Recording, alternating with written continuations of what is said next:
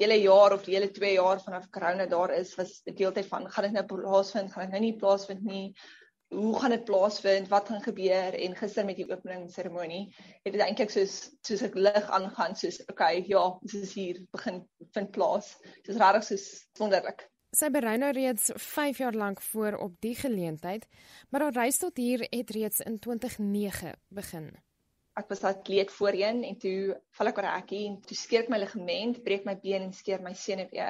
Dit was 'n lang proses waar ek met depressie gelei het, ek het aan eetgewoontes gelei en dit was 'n lang proses voor ek eintlik vir myself kon sê weet wat ek het die ongeluk aanvaar en ek wil weer hardloop mense lewe is gereeld so waar jy val en om jy opstaan en verder maak.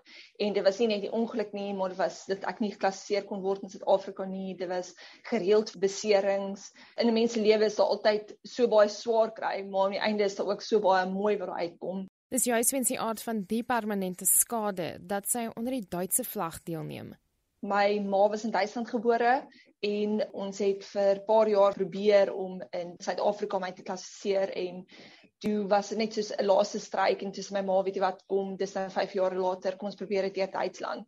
Daar was geen ander paai wat ek net in Suid-Afrika kon loop nie was en toe gaan ons Duitsland toe en hulle het my gehelp met my klassifikasie en vanaf 2014 was ek geklassifiseer. Hierna het 'n hele nuwe hoofstuk op haar gewag dit was groot aanpassing. Ek kon skaarse woord Duits praat. Mense dink dit is net die taal, maar dis soveel groot aanpassings. Ek het gesukkel met hulle te kommunikeer. Dit was die kos wat ek gewoonlik by die huis geëet het wat ek nou moes aanpas.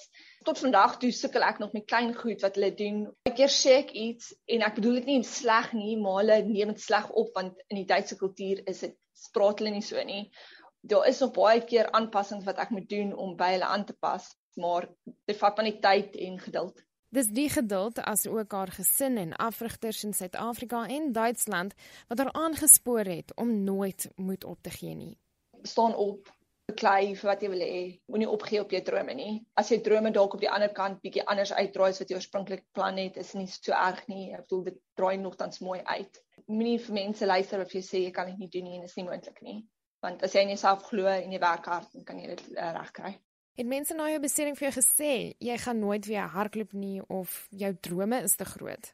Gereeld, baie gereeld. Dis 'n rede hoekom ek ook vir niemand my drome en my toekoms vertel nie want my broer het vir my gesê dat ek vir niemand moet sê wat my drome is nie. Ek moet eenvoudig vir my behou en net vir hulle wys wat ek kan doen en waarna ek in staat is. Dan kyk ek vir hulle as ek sê, "O, okay," maar in my kop is ek soos, "Ag, ja, jou bliksem, ek gaan dit self doen." ek sal jou wys.